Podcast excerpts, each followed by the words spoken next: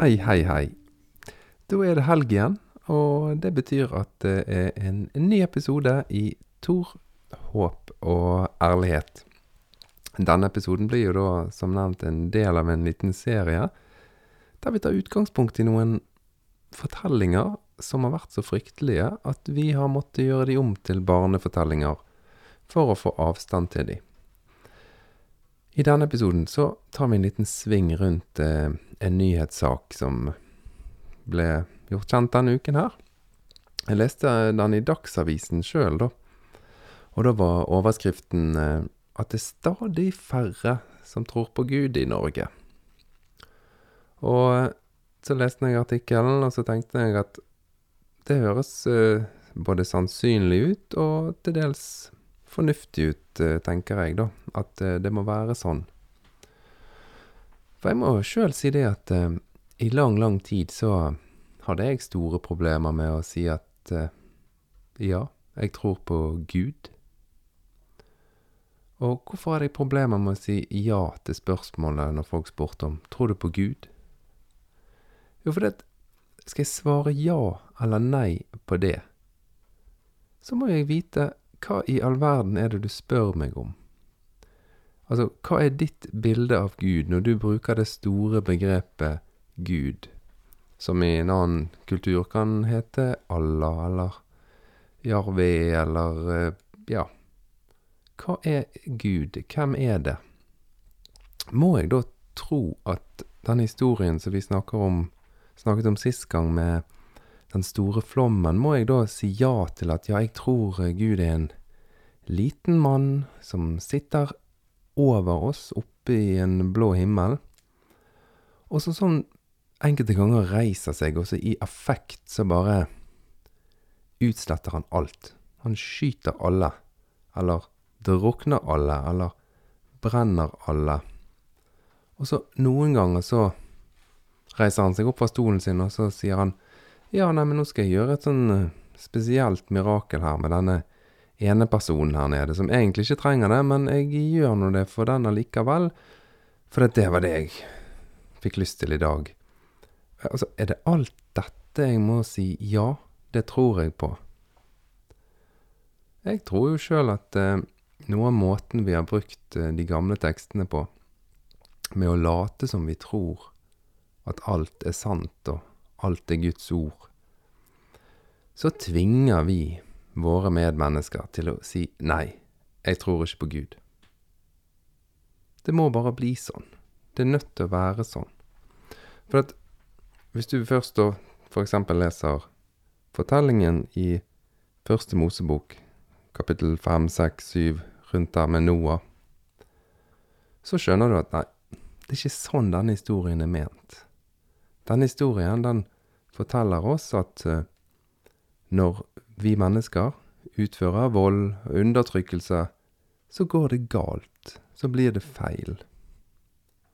Og Så kan du lese videre, og så kan du komme til ja, si fjerde Mosebok, bare for å ta et eksempel. Så kan du lese Mens israelittene var i ørkenen, kom de over en mann som sanket ved på sabbatsdagen. De som fant han da han sanket ved, førte han fram for Moses og Aron og hele menigheten. Han ble satt i varetekt, for det var ikke klart hva som skulle gjøres med ham. Da sa Herren til Moses, Mannen må dø. Hele menigheten skal steine han utenfor leiren.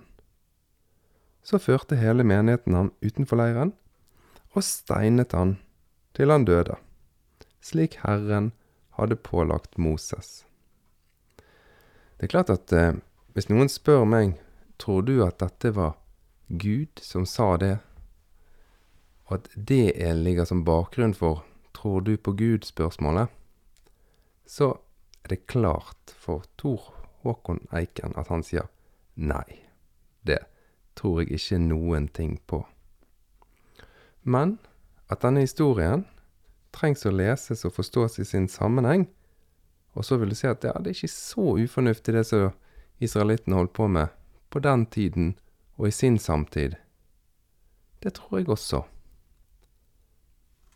Og hvis jeg blar videre, da, og kommer til Salme 78 Og så kommer det en fortelling om Eller en salme der de nok har sunget en sang for å løfte opp Skaperen, Gud, og fortelle hvor stor og sterk og allmektig Han er. At det ikke bare er de andre folkene sine guder som er sterke. Da kan du lese om at de beskriver Gud som en eh, kriger. Og ikke bare hvilken som helst kriger. Har du lest om sånne krigere som ruset seg voldsomt for at de skulle herje på uten noe medlidenhet? For at eh, dømmekraften skulle være svekket, sånn at ikke noen skulle begrense ondskapen? Ja, sånn beskrives Gud i Salme 78. Det er ikke en kriger som er ruset. Ja, når du spør meg tror du på Gud, ja, er det den guden jeg tror på? Er det den guden som eh, ber folk om å reise til andre land og drepe de, hvis ikke de kommer til tro? Nei, den guden, den tror jeg selvfølgelig ikke på. Men hvis du spør en vanlig nordmann, tror du at det finnes et opphav til alt? Tror du at det finnes en eh, kjærlighet som binder oss sammen? Ja, den guden tror jeg på. Den guden som har hjulpet oss videre, som gjør at vi strekker oss lenger, ønsker å vise nestekjærlighet. Den guden som gjør at vi kjenner at nei, vi kan ikke behandle de som er mørke i huden, dårligere enn oss. Det trykket på innsiden som sier det at nei, vi kan ikke La kvinner være undertrykket. Eller det som trykker på innsiden, som sier det at nå må vi slutte. De som er skeive, de som er homofile, lesbiske, transpersoner, bifile, nå må vi slutte å undertrykke. En sånn Gud, det tror jeg på. Det som drar oss videre. Det som drar oss framover. Historien som er utgangspunktet for denne serien, som går over et par episoder nå, er jo Noas ark-fortellingen. Jeg tror jo, hvis du leser på slutten av første del av den fortellingen, så sier folkene til hverandre at eh, nå er det satt opp en regnbue på himmelen. Et tegn på at vårt opphav, skaperen, den som har startet alt, det er en vi kan stole på det er en som aldri mer vil utslette. Samtidig så ser du at det er en historie som var sannsynligvis bra å fortelle til den neste generasjon, og si det at driver vi med vold og ut, uh, utnyttelse, så ødelegger vi samfunnet. Så ødelegger vi livet. Det betyr ikke at det var Gud som sa oi, nei, nå må vi drukne alt sammen. Eller Oi, dette så ikke bra ut.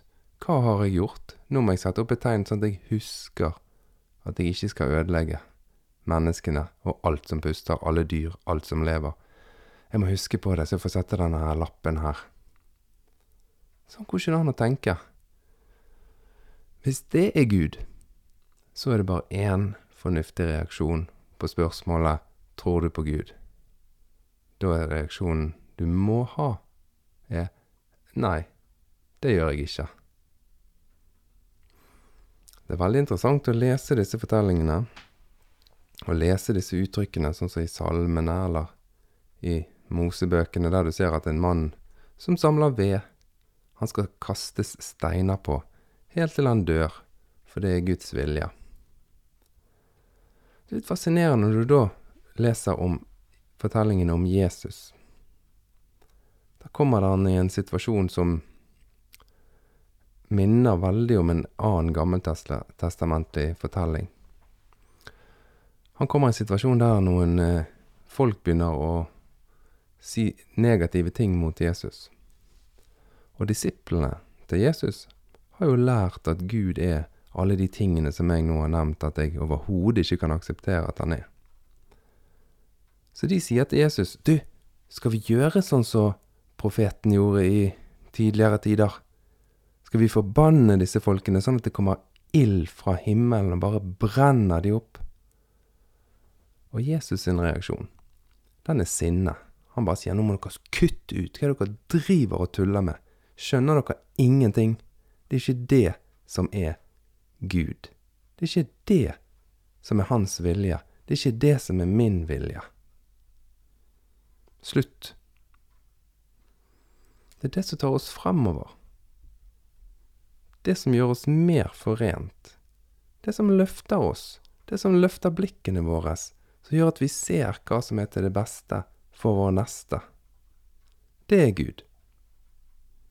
Og spør du meg om jeg tror på den guden, så er svaret mitt ja. Du, tusen takk for at du hører på Tor, håp og ærlighet. Vi fortsetter også neste gang med noen eh, fortellinger som er så forferdelige at vi har gjort de om til barnefortellinger, istedenfor å gå skikkelig inn i de og si at nei, vi tror ikke at det var sånn. Vi må heller spørre oss spørsmålet hvorfor skrev forfatteren at det var sånn? De hadde noe de hadde lyst til å formidle. Men så er det noen som har valgt å late som at alt som står i denne boken, det er det Gud som har skrevet, eller Gud som har sagt. Og for å slippe å forholde oss til hvor fryktelig det er, så har vi gjort det om til et eventyr. En barnefortelling. Omtrent som julenissen. Vi kan late som vi tror på han. Vi gjør det egentlig ikke, og da er det greit å gjøre det om til en barnefortelling. Jeg mener de gamle tekstene er mye klokere enn som så, og når vi gjør de om til barnefortellinger, så gjør vi fortellingene stor urett. La oss heller gå skikkelig inn i de, se hva de forteller, og ta med oss det gode som har vært. Ha en riktig god uke. Vi høres neste helg.